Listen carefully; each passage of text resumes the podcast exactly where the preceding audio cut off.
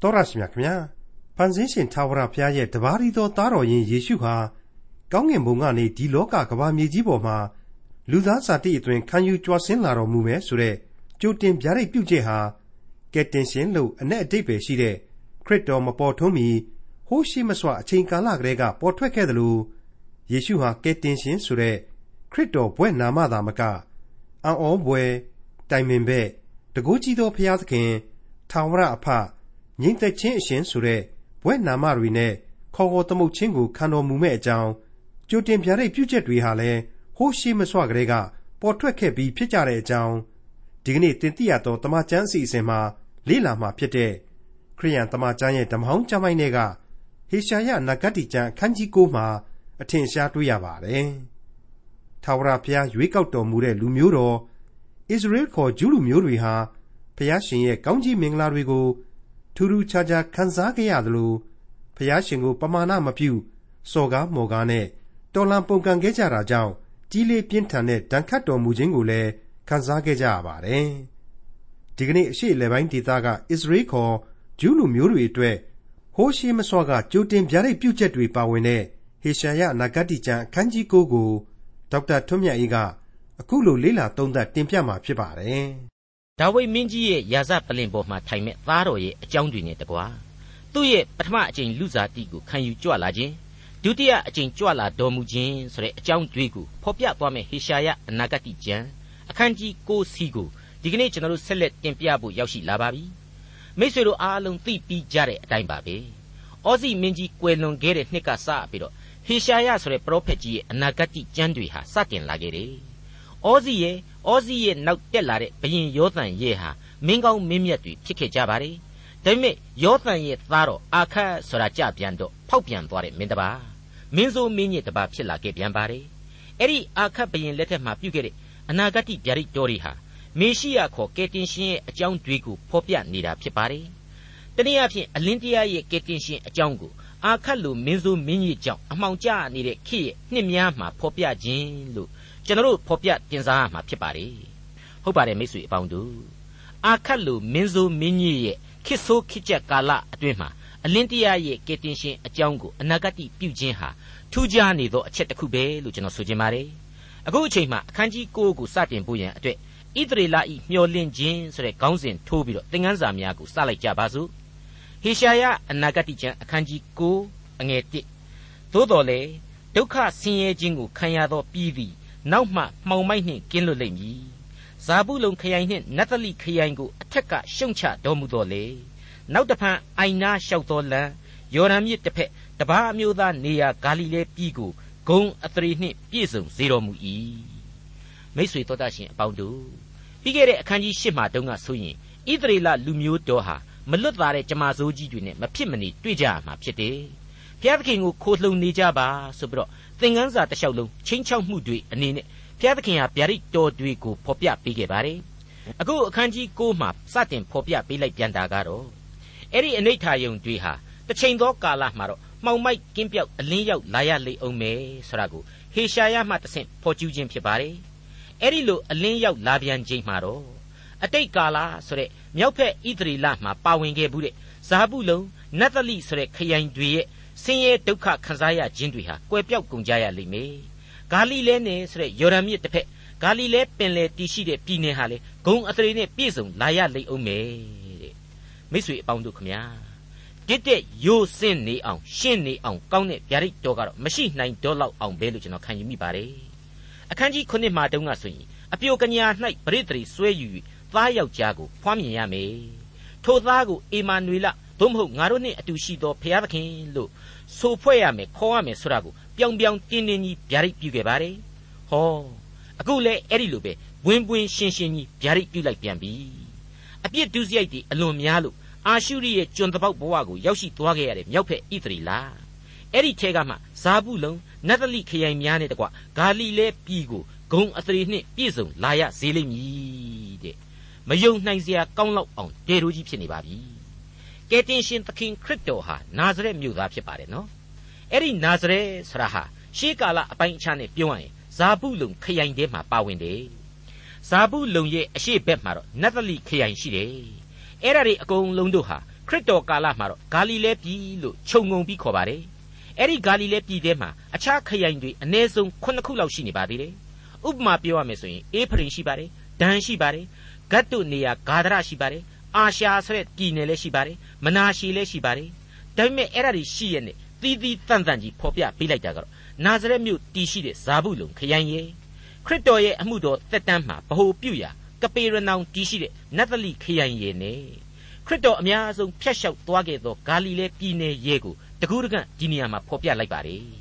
မိတ်ဆွေကျွန်တော်အခုဖတ်ရှုနေတာဟာခရစ်တော်မပေါ်ထွန်းခင်အနည်းဆုံးအနှစ်900လောက်ကကြံကြီးဖြစ်တယ်ဆိုတာကို ကျွန်တော်မေ့ထားလို့မရပါဘူးအဲ့ဒီတော့ခရစ်တော်မပေါ်ခင်နှစ်900ကကြံကြီးဟေရှာယအနာဂတ်တီ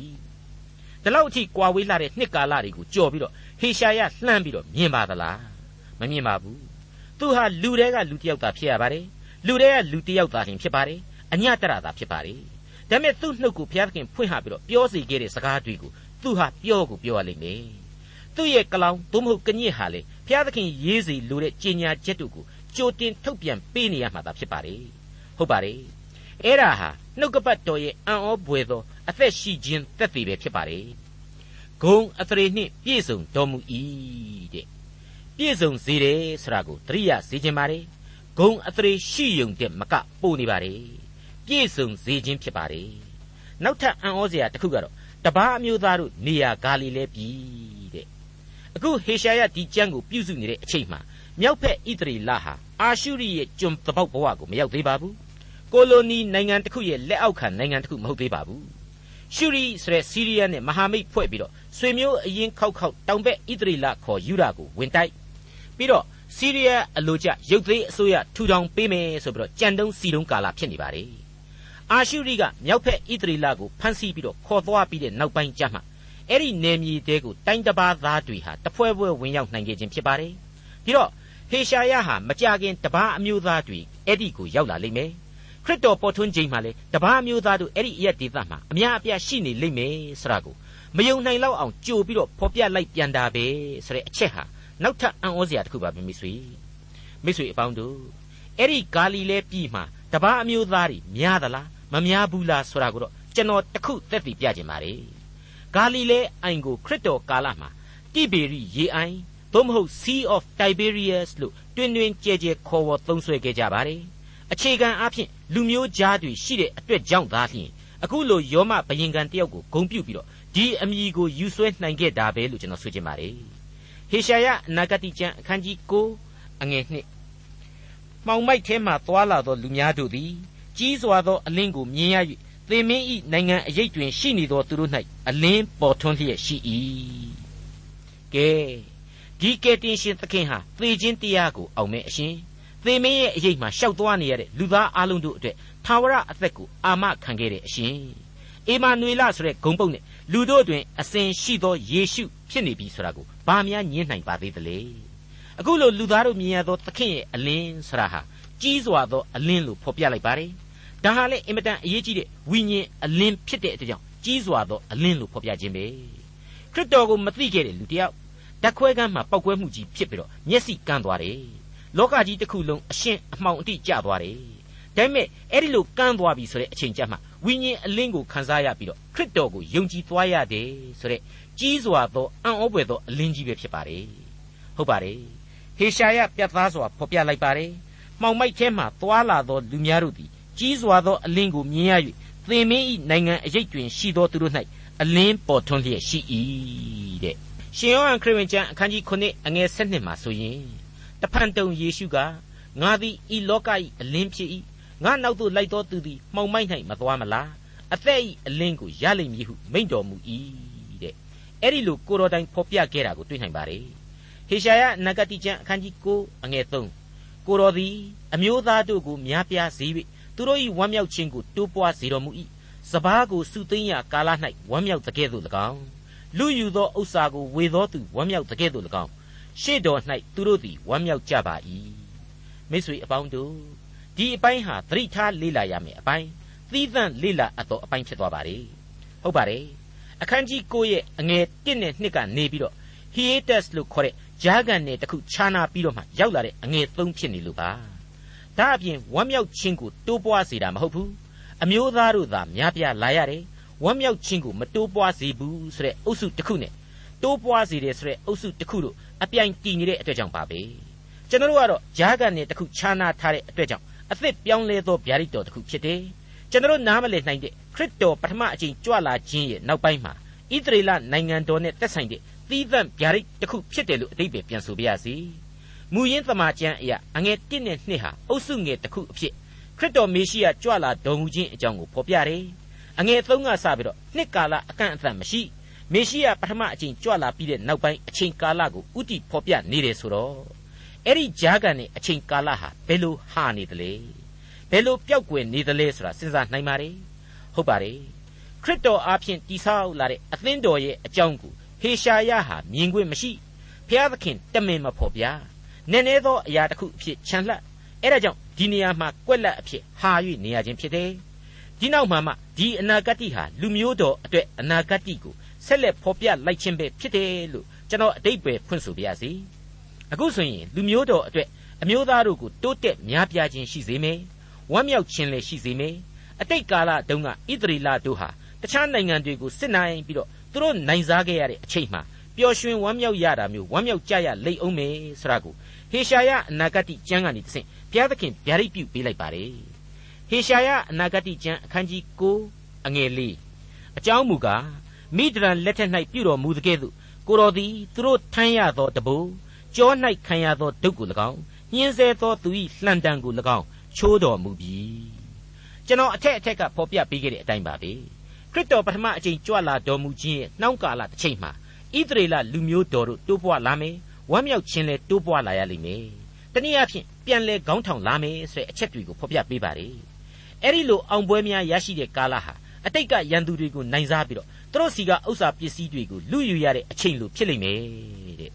ထူးထူးခြားခြားကြီးဖြစ်နေပြီနော်ဒါပေမဲ့အုံနောက်မချောက်ရအောင်လို့ဥပမာပေးလိုက်တာကတော့အတိတ်ကာလမိဒရန်လူမျိုးတွေကိုနိုင်ခဲ့ရသလိုပဲဖြစ်လိမ့်မယ်တဲ့မှန်ပါတယ်မိတ်ဆွေမိဒရန်ဆိုတာဟာဣသရေလနိုင်ငံတော်ဖြစ်တည်ဂါဇအချိန်မှာဣသရေလကိုအမြဲတမ်းဗိုလ်ကျစိုးမိုးခဲ့တဲ့လူမျိုးတော်ဖြစ်တယ်လူမျိုးတစ်ခုဖြစ်တယ်အဲ့ဒီလူမျိုးတွေကို တရားသူကြီးကြီးတောင်ရဲ့ခေတ်မှာဘုရားသခင်ဟာအကြီးအကျယ်စစ်ရေးရှုံးနိမ့်စေပြီးတဲ့နောက်သူတို့ပစ္စည်းဥစ္စာတွေဟာလည်းစစ်နိုင်သူဣသရေလအဖို့ဖြစ်ကုန်ခဲ့ရတယ်ဆိုတာကိုတရားသူကြီးမှတ်စာအခန်းကြီး6ကနေ8အတွင်းမှာကျွန်တော်ရှင်းလင်းပြသစွာပြန်ပြီးတော့တွေ့နိုင်ပါတယ်မိษွေတို့လည်းပြန်လဲလေ့လာတိုက်တယ်လို့ကျွန်တော်အကြံပြုချင်ပါတယ်အကြံပြင်းပြန်လဲအမှတ်ရစေခြင်းတဲ့အတွက်ကြောင့်တရားသူကြီးမှတ်စာအခန်းကြီး8အငယ်22ကနေ29အတွင်ဖော်ပြချက်ကလေးတွေကိုပြန်လဲပြီးတော့စမြုံပြန်ပါရစေ ထိုအခါဣသရေလလူတို့ကကိုတော်သည်အကျွန်ုပ်တို့ကိုမိဒရန်လူတို့လက်မှကဲနှုတ်သောကြောင့်သားစဉ်မြေးဆက်နှင့်တကွအကျွန်ုပ်တို့ကိုအုပ်ဆိုးတော်မူပါဟုဂိတောင်အားလျှောက်ဆိုကြသောဂိတောင်ကငါသည်သင်တို့ကိုမအုပ်ဆိုးရငါသားလည်းမအုပ်ဆိုးရထာဝရဘုရားသည်သင်တို့ကိုအုပ်ဆိုးတော်မူရ၏ဟု၍၎င်းတို့ရာတွင်သင်တို့ရှိသမျှသည်လူယူ၍ရသောနဒေါင်းတို့ကိုပေးပါမည်အကြောင်းငါတောင်းကျင်သည်ဟု၍၎င်းဆိုလေ၏ ရန်သူတို့သည်ဣရှမေလအမျိုးဖြစ်၍ရွှေနဒေါင်းကိုဆင်တတ်ကြသည်သူတို့ကလည်းစင်စစ်ပေးပါမည်ဟုဆိုလျက်စောင်းကိုခင်း၍လူအပေါင်းတို့သည်မိမိတို့လူယူ၍ရသောနဒေါင်းများကိုချထားကြ၏ဂီးတောင်တောင်သောရွှေနဒေါင်းများအချိန်ကအခွက်18ပိတ်သာရှိ၏ထိုမှတပါမိဒရန်မင်းကြီးဝတ်ဆင်သောတစားလေဆွဲညီမောင်းသောအဖို့ကလအုပ်လေကျိုးများကိုရသေး၏ထိုတစားတို့နှင့်ဂီးတောင်သည်တင်တိုင်းတော်ကိုလှုပ်၍မိမိနေရာအောဖရမြို့မှထားသဖြင့် ဣသရေလအမျိုးသားအပေါင်းတို့သည် ထိုတင်တိုင်းတော်နှင့်မှားယွင်းလျက်သွားရကြ၏ထိုအမှုသည်ဂိတောင်နှင့်သူ၏အမျိုးပြစ်မှားရာအကြောင်းဖြစ်သည်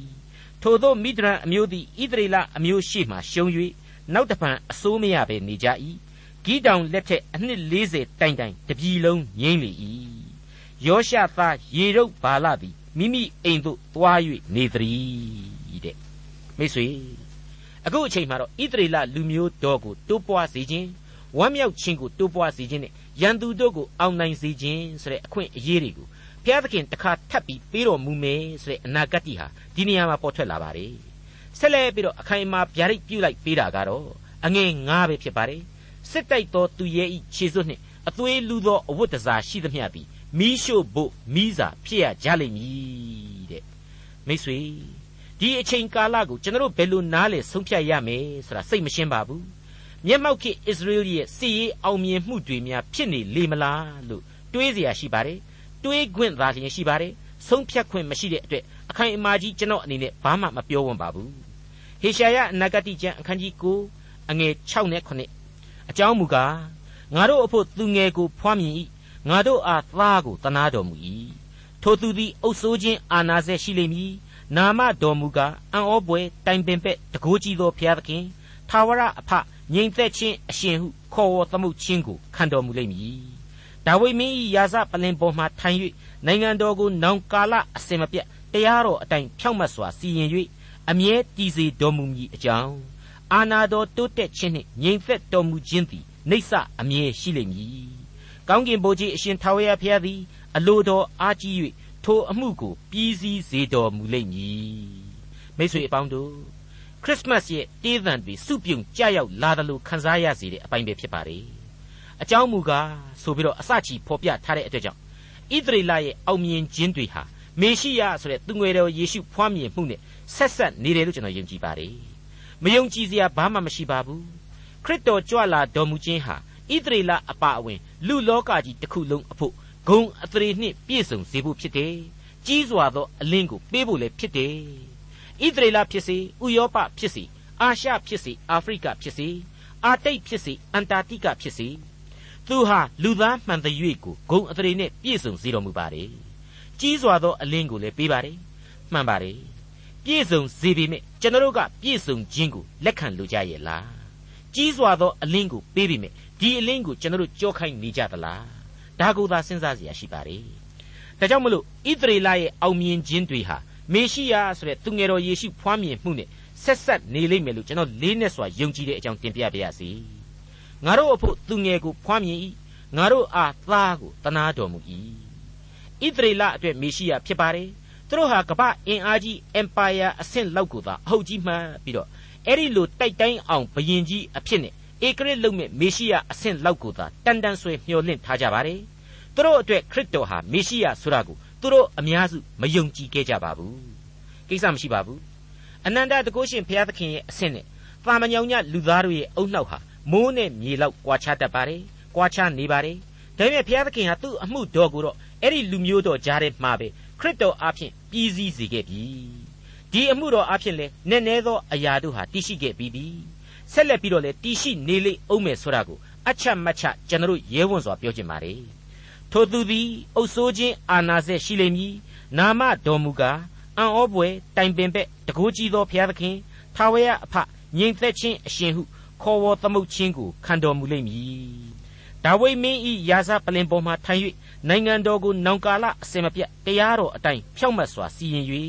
အမြဲတည်စေတော်မူမည်အကြောင်းအာနာတော်တိုးတက်ခြင်းနှင့်ငြိမ်သက်တော်မူခြင်းသည်နေဆအမြဲရှိလိမ့်မည်။ကောင်းကင်ဘုရားအရှင်ထာဝရဘုရားသည်အလိုတော်အားကြီး၍ ထိုအမှုကိုပြီးစီးစေတော်မူလိမ့်မည်တဲ့ရှင်းနေတာပါပဲနော်။အံ့ဩပွေတိုင်ပင်ပဲ့တကိုးကြီးသောဘုရားသခင်ထာဝရအဖငြိမ်သက်ခြင်းအရှင်ဟုခေါ်ဝေါ်သမုတ်ခြင်းကိုခံတော်မူသောကယ်တင်ရှင်သခင်ခရစ်တော်ကိုညင်းပယ်များနေကြအောင်မှလားလို့ကျွန်တော်မေးချင်ပါတယ်ဘုရားသခင်ကတော့ဒီအကြောင်းအရာတွေကိုဣသရေလဆိုတဲ့လူမျိုးတော်အတွက်ဆင့်ဆိုတဲ့တရားယုံဆွတ်ဆွဲလိုက်တဲ့အမှုတင်ထားသောအပြစ်ဒဏ်များကြားထဲမှာပဲထည့်သွင်းဖော်ပြပေးနေပါတယ် တနည်းအားဖြင့်ကျေးဇူးပြုနေခြင်းဖြစ်ပါတယ်ဣသရေလကိုလက်ညှိုးငေါက်ထိုး၍ပြောဆိုနေသမျှတွေအတွက်ဒီအနာဂတ်အစမှာကလေးကကမ္ဘာလူသားများအားလုံးကြားနာစေဖို့သူအလိုတော်ရှိခဲ့ပြီဆိုတာကိုလေကျွန်တော်တို့သိခဲ့ကြပြီးပါပြီ။အိုကောင်းကင်ကြားလော့။အိုမြေကြီးနားထောင်လော့တဲ့။ဟေရှာယအနာဂတိကျမ်းအခန်းကြီး9အငယ်8မှ12ထာဝရဘုရားသည်ဗျာဒိတ်တော်ကိုယာကုပ်အမျိုးသို့လွှတ်၍ဣသရေလအမျိုးအပေါ်မှတက်ရောက်စေတော်မူ၏။ အုတ်ရိုးပြိုတော်လဲစစ်သောကြောက်နှင့်တည်ပြန်မည်။တဖန်းပင်များကိုခုတ်လှဲတော်လဲသူတို့အရာ၌အာရစ်ပင်များကိုစိုက်ထားမည်ဟုမာနကြီးမားထောင်လွှားသောရှမာရိမြို့သားမှစ၍အေဖရိမ်လူအပေါင်းတို့သည်သိရကြလိမ့်မည်။ထာဝရဘုရားသည်လည်းထိုသူတို့တစ်ဖက်၌ရေစိမ်မင်းဤရန်သူတို့ကိုချီးမြှောက်၍အေဖရိမ်အမျိုး၏ရန်သူတို့ကိုထစီတော်မူသဖြင့်ရှေ့၌ကရှုရီလူနောက်၌ကဖိလိတိလူတို့သည်ပါဇက်ဟ၍ဣသရေလအမျိုးကိုကိုက်စားကြလိမ့်မည် သို့တော်လည်းအမျက်တော်သည်မငြိမ်လက်တော်သည်ဆန့်လျက်ရှိသေး၏ဂန္ဓာတစ်ခုခြားနာလိုက်ပါပြီဒီအပိုင်းတွေဟာဣသရေလရဲ့အာခတ်ဘရင်အုပ်ဆိုးတဲ့ကာလနဲ့ဆက်ဆက်ပြီးတော့တည်ရှိနေတဲ့ဣသရေလနိုင်ငံတော်ရဲ့အခြေအနေတွေကိုကြိုတင်ဖော်ပြနေတဲ့အနာဂတ်တွေဖြစ်နေပါတယ်ကျွန်တော်သိကြတဲ့အတိုင်းပဲမြောက်ဖက်ဣသရေလဟာရှုရိနဲ့သွားပြီးတော့ပေါင်းတယ်အဲ့ဒီရှုရိဘရင်ရေဇိန်ရဲ့ရန်သူတွေဖြစ်တဲ့အာရှုရိတွေကိုဖျားသခင်ဟာချီးမြှောက်ပေးမယ် မြောက်ဖက်ဣသရေလရဲ့အခြားရန်သူတွေကိုလည်းတစ်ဖက်ကထကြွစေမယ်ဆိုတာကိုအခုအပိုင်းမှာဖော်ပြပေးလိုက်ပါတယ်မှားများမှားခဲ့ပါသလားလွဲချော်မှုများရှိနေခဲ့ပါသလားတခုမှမမှားပါဘူးတခုမှမလွဲပါဘူးဟေရှာယအခုလိုအနာဂတ်ပြုတ်ပြီးတော့ပြောကြားပြီးတော့မကြမီအချိန်အတော်အတွင်းမှာပဲမြောက်ဖက်ဣသရေလရောသူ့အပေါင်းအသင်းရှုရိယောကိုအာရှုရိတွေဟာအတင်းဝင်တိုက်ပြီးတော့ကျွန်အဖြစ်ဆွဲခေါ်သွားတော့မှာဖြစ်ပါတယ်အဲ့ဒီအတိုင်းမှာပဲမြောက်ဖက်ဣသရေလဒုက္ခရောက်ပြီးတော့ နှစ်ပေါင်း100ကျော်လောက်မှာတော့တောင်ဘက်ဣသရေလဟာလေဘာဘူးလုံနိုင်ငံရဲ့ကျွန်ဖြစ်ရအောင်မှာအသေးချပါရှေ့၌ကရှုရီလူနောက်၌ကဖိလိတိလူဆရာဟာပထဝီအနေအထားကိုဥတီဖော်ပြခြင်းလို့ကျွန်တော်ခံယူပါတယ်ဣသရေလဟာအရှိအနောက်နှစ်ဖက်ညှက်ပြီးတော့ဒုက္ခရောက်ရလိမ့်မယ်ဆိုတာကိုကြိုတင်ဖော်ပြခြင်းဖြစ်ပါတယ်ကျွန်တော်ရဲ့အမြင်ကိုဖော်ပြရရင်တော့ဒီကနေ့တက်တိုင်အောင်ရှုရီလူနဲ့ဖိလိတိလူကိုကိုစားပြုထားတဲ့မျိုးဆက်သစ်ရန်သူအပေါင်းတို့ဟာ ဣသရေလနဲ့သမိုင်းဝင်ရန်ညှိုးများပြက်ကိုပြက်တယ်မရှိနိုင်သေးဘူးဆက်လက်ပြီးတော့တိုက်ပွဲဝင်နေကြစမြဲပဲရန်ဆောင်နေကြမြဲပဲဣသရေလနဲ့အရှိအလေပိုင်းပြဿနာဟာကမ္ဘာရဲ့အဓိကပြဿနာကြီးအဖြစ်တည်နေသေးပဲဆိုတာကိုကျွန်တော်ရှင်းရှင်းလင်းတွေ့နေရပါတယ်ဟေရှာယနဂတိကျမ်းအခန်းကြီး9အငယ်73မှ19ဤလူမျိုးသည်ဒဏ်ခတ်တော်မူသောသူထံသို့မလှည့်မပြန်ကောင်းကင်ဘိုးကြီးအရှင်ထာဝရဘုရားကိုမရှာမဖွေတတ် ထို့ကြောင့်ထာဝရဘုရားသည်ဣသရေလအမျိုးမှဥကောင်းနှင့်အမိကို၎င်းစွန်ပလွန်လက်နှင့်ကိုင်းပင်ကို၎င်းတနေ့ချင်းတွင် ခုတ်ဖြတ်တော်မူလိမ့်မည်ဥကောင်းကအသက်ကြီးသူနှင့်အသရေရှိသူသည်အမိကမှုသာကိုဟောပြောသောပရောဖက်သည်ဤလူမျိုးကိုလမ်းပြသောသူတို့သည်လမ်းလွဲစေခြင်းဟာပြကြ၏လိုက်သောသူတို့သည်လည်းပျက်စီးခြင်းသို့ရောက်ကြလိမ့်မည်ထို့ကြောင့်ထာဝရဘုရားသည် သူတို့တွင်ရှိသောလူပြိုတို့ကိုအာရတော်မမူ မိဘမရှိသောသူငယ်နှင့်မုတ်ဆိုးမတို့ကိုတနာတော်မမူထိုသူအပေါင်းတို့သည်အတ္တမပြုသောသူဆိုးညစ်သောသူဖြစ်၍မတရားသောစကားကိုပြောတတ်ကြ၏တို့ဖြစ်၍အမျက်တော်သည်မငြိမ်လက်တော်သည်ဆန့်လျက်ရှိသေး၏ဒဏ်ခတ်တော်မူသူစီကိုပြန်မလှဲထာဝရဘုရားကိုမရှာမဖွေတတ်တဲ့ရင်နာစရာမကောင်းဘူးလားတနည်းအားဖြင့်တော့ထာဝရဘုရားသခင်ကိုကြောခိုင်းထားကြတယ်ဘုရားသခင်ကိုတော်၎င်းဘုရားသခင်ရဲ့စီရင်တော်မူချက်တို့ကိုတော်၎င်း ပမာဏမပြုတ်တဲ့သဘောပဲဘလောက်ကြောက်စရာကောင်းနေကျွန်တော်တို့ကအခန်းကြီး၈သင်ခန်းစာတွေမှာတွေ့ကြရတဲ့အတိုင်းပဲနော်သူကိုယ်တိုင်ကဒဏ်ခတ်တော်မူရင်လေခေါင်းငုံခံပြီးတော့မျက်စိမှိတ်ပြီးတော့ဒီသူပေးတဲ့ဒဏ်ကိုခံပြီးတော့ကိုးကွယ်ကြရမယ်ဆိုတဲ့အဆင့်မှရှိတဲ့အနန္တတကုရှင်ဘုရားသခင်ဖြစ်တော်မူတဲ့အကြောင်းကိုဣသရေလဟာမေ့လျော့ကြောခိုင်းမိပြီမဟုတ်ဘူးလားထို့ကြောင့်ထာဝရဘုရားသည်ဣသရေလအမျိုးမှဥကောင်းနှင့်အမိကို၎င်းစွန်ပလွန်လက်နှင့်ကိုင်းပင်ကို၎င်းတနေ့ချင်းတွင် ခုတ်ဖြတ်တော်မူလိမ့်မည်တဲ့ကြက်သိမ်းမွေးခြင်းထเสียကောင်းလောက်အောင်ဘုရားသခင်ကြိမ်မောင်းထားပါတယ်ဗျာဒိတ်ပြုထားခဲ့ပါတယ်ဟေရှာယအနာဂတိကျမ်းအခန်းကြီး9အငယ်18ကနေ21အတ္တမသည်မိကဲ့သို့လောင်တတ်၏စူးပင်အမျိုးမျိုးကိုကျွန်းစေမည်တောအုပ်ကိုလည်းမိရှို့သဖြင့်အပင်တို့သည်မိကိုနှင့်တကွလွင့်တက်ကြလိမ့်မည်ကောင်းကင်ဘိုးကြီးအရှင်ထာဝရဘုရား၏အမျက်တော်ကြောင့်မြေသည်မိလောင်၍မြေသားတို့သည်မိမှွေးဖို့ထင်ဖြစ်ကြလိမ့်မည် ညီကိုချင်းတယောက်ကိုတယောက်မနှမျောရလက်ရဘဲ၌ခုတ်ဖြတ်တော်လဲငတ်မွလိမ့်မည်လက်ဝဲဘဲ၌ကြိုက်စားတော်လဲမဝရအိမ်ကြီးချင်းအသားကိုလူတိုင်းကြိုက်စားရလိမ့်မည်မနာရှေအမျိုးသည်အေဖရိမ်အမျိုးကို၎င်းအေဖရိမ်အမျိုးသည်မနာရှေအမျိုးကို၎င်းကြိုက်စားကြလိမ့်မည်ထိုနှမျိုးတို့သည်ယုဒအမျိုးကိုတညီတညွတ်ကြီးရန်ပြုကြလိမ့်မည်သို့တော်လည်းအမျက်တော်သည်မငြိမ်လက်တော်သည်ဆန့်လျက်ရှိသေး၏ပြည်တွင်းရေးမငြိမ်မသက်ဖြစ်မှုတွေ ပြည်သူပြည်သားတွေအကုန်လုံးဒုက္ခရောက်ရမှာတွေ့ကိုဆက်လက်ဖော်ပြရင်းနဲ့ဣသရေလနိုင်ငံတော်သို့ရည်ညွှန်းထားသောဟေရှာယအနာဂတိကျမ်းအခန်းကြီး9ဟာပြီးဆုံးသွားပါတယ်မိတ်ဆွေကြားနာရတဲ့အချက်တွေဟာတခုမှစိတ်သက်သာစရာမရှိခဲ့ပါဘူးအာခတ်မင်းရဲ့ခစ်မရှိမနှောက်မှာအကောင်အထည်ပေါ်လာမယ့်ကိစ္စတွေဖြစ်ပါတယ်အကောင်အထည်မလွဲမသွေပေါ်မဲ့ဗျာဒိတ်တွေဖြစ်ခဲ့ပါတယ်နည်းနည်းသောစီရင်တော်မူခြင်းတွေနဲ့ပြည့်နှက်နေပါတယ်အနန္တတကုရှင်ဘုရားသခင်ကို ကျွန်တော်လူသားများပုံမနားလေစေဖို့ယံကိုးစားအားထားစေဖို့ယံယုံကြည်ခြင်းရှိဖို့ယံဆရာတွေ့ကိုတနည်းတစ်ဖုံဖော်ပြပေးနေပါလေဘာပဲဖြစ်ဖြစ်ကျွန်တော်လူသားများအားလုံးအတွက်အသက်အသက်တမျှအရေးကြီးနေတဲ့ဗျာဒိတ်တော်ကြီးဟာသွေးပြက်ဖွယ်သောယခုဖော်ပြတဲ့အနိဋ္ဌာယုံတွေရဲ့ကြားထဲမှာထင်ရှားစွာတည်ရှိခဲ့ယုံသားမကပြည့်စုံစေခဲ့ပါပြီအကြောင်းမူကားငါတို့အဖို့သူငယ်ကိုဖွားမြင်၏ငါတို့အားသားကိုတနာတော်မူ၏ ထိုသူသည် အုပ်ဆိုးခြင်းအာနာစေရှိလိမ့်မည်နာမတော်မူကားအံ့ဩပွေတိုင်ပင်ပဲ့တကိုးကြီးသောဖျားသခင်ထာဝရအဖငြိမ်သက်ခြင်းအရှင်ဟုခေါ်ဝေါ်သမုတ်ခြင်းကိုခံတော်မူလိမ့်မည်ဒါဝိမင်း၏ယာစပလင်ပေါ်မှထိုင်၍နိုင်ငံတော်ကိုနောင်ကာလအစင်မပြတ်တရားတော်အတိုင်းဖြောက်မတ်စွာစီရင်၍အမြဲတည်စေတော်မူမည်အကြောင်းအာနာတော်တိုးတက်ခြင်းနှင့်ငြိမ်သက်တော်မူခြင်းသည်နေဆအမြဲရှိလိမ့်မည် ကောင်းကင်ဘိုးကြီးအရှင်ထာဝရဘုရားသည်အလိုတော်အားကြီး၍ထိုအမှုကိုပြီးစီးစေတော်မူလိမ့်မည်တဲ့အဲ့ဒီလိုဖော်ပြခဲ့တဲ့အတိုင်းပဲအံ့ဩပွေတိုင်ပင်ပဲတကိုးကြည့်သောဘုရားသခင်ထာဝရအဖငြိမ်သက်ခြင်းအရှင်ဟုခေါ်ဝေါ်သမုတ်ခြင်းကိုခံတော်မူသောသခင်ဟာဒီကနေ့ကျွန်တော်တို့အဖို့အေမာနွေလအဖြစ်အတူတည်ရှိနေပါပြီသူနဲ့အတူယုံကြည်ခြင်းပြင်းပြစွာနဲ့ထာဝရအသက်လမ်းကိုရှောက်လှမ်းသွားဖို့ရန်သာအဓိကဖြစ်တဲ့အကြောင်း လေးစားစွာတင်ပြလိုက်ပါရစေဒေါက်တာထွန်းမြတ်၏စီစဉ်တင်ဆက်တဲ့တင်ပြတော်တမချန်းအစီအစဉ်ဖြစ်ပါတယ်နောက်တစ်ချိန်အစီအစဉ်မှာခရိယန်တမချန်းရဲ့ဓမ္မဟောင်းကျမ်းပိုင်းတွေကဟေရှာယနဂတ်တီကျမ်းအခန်းကြီး30ကိုလေ့လာမှဖြစ်တဲ့အတွက်စောင့်မျှော်နားဆင်နိုင်ပါတယ်။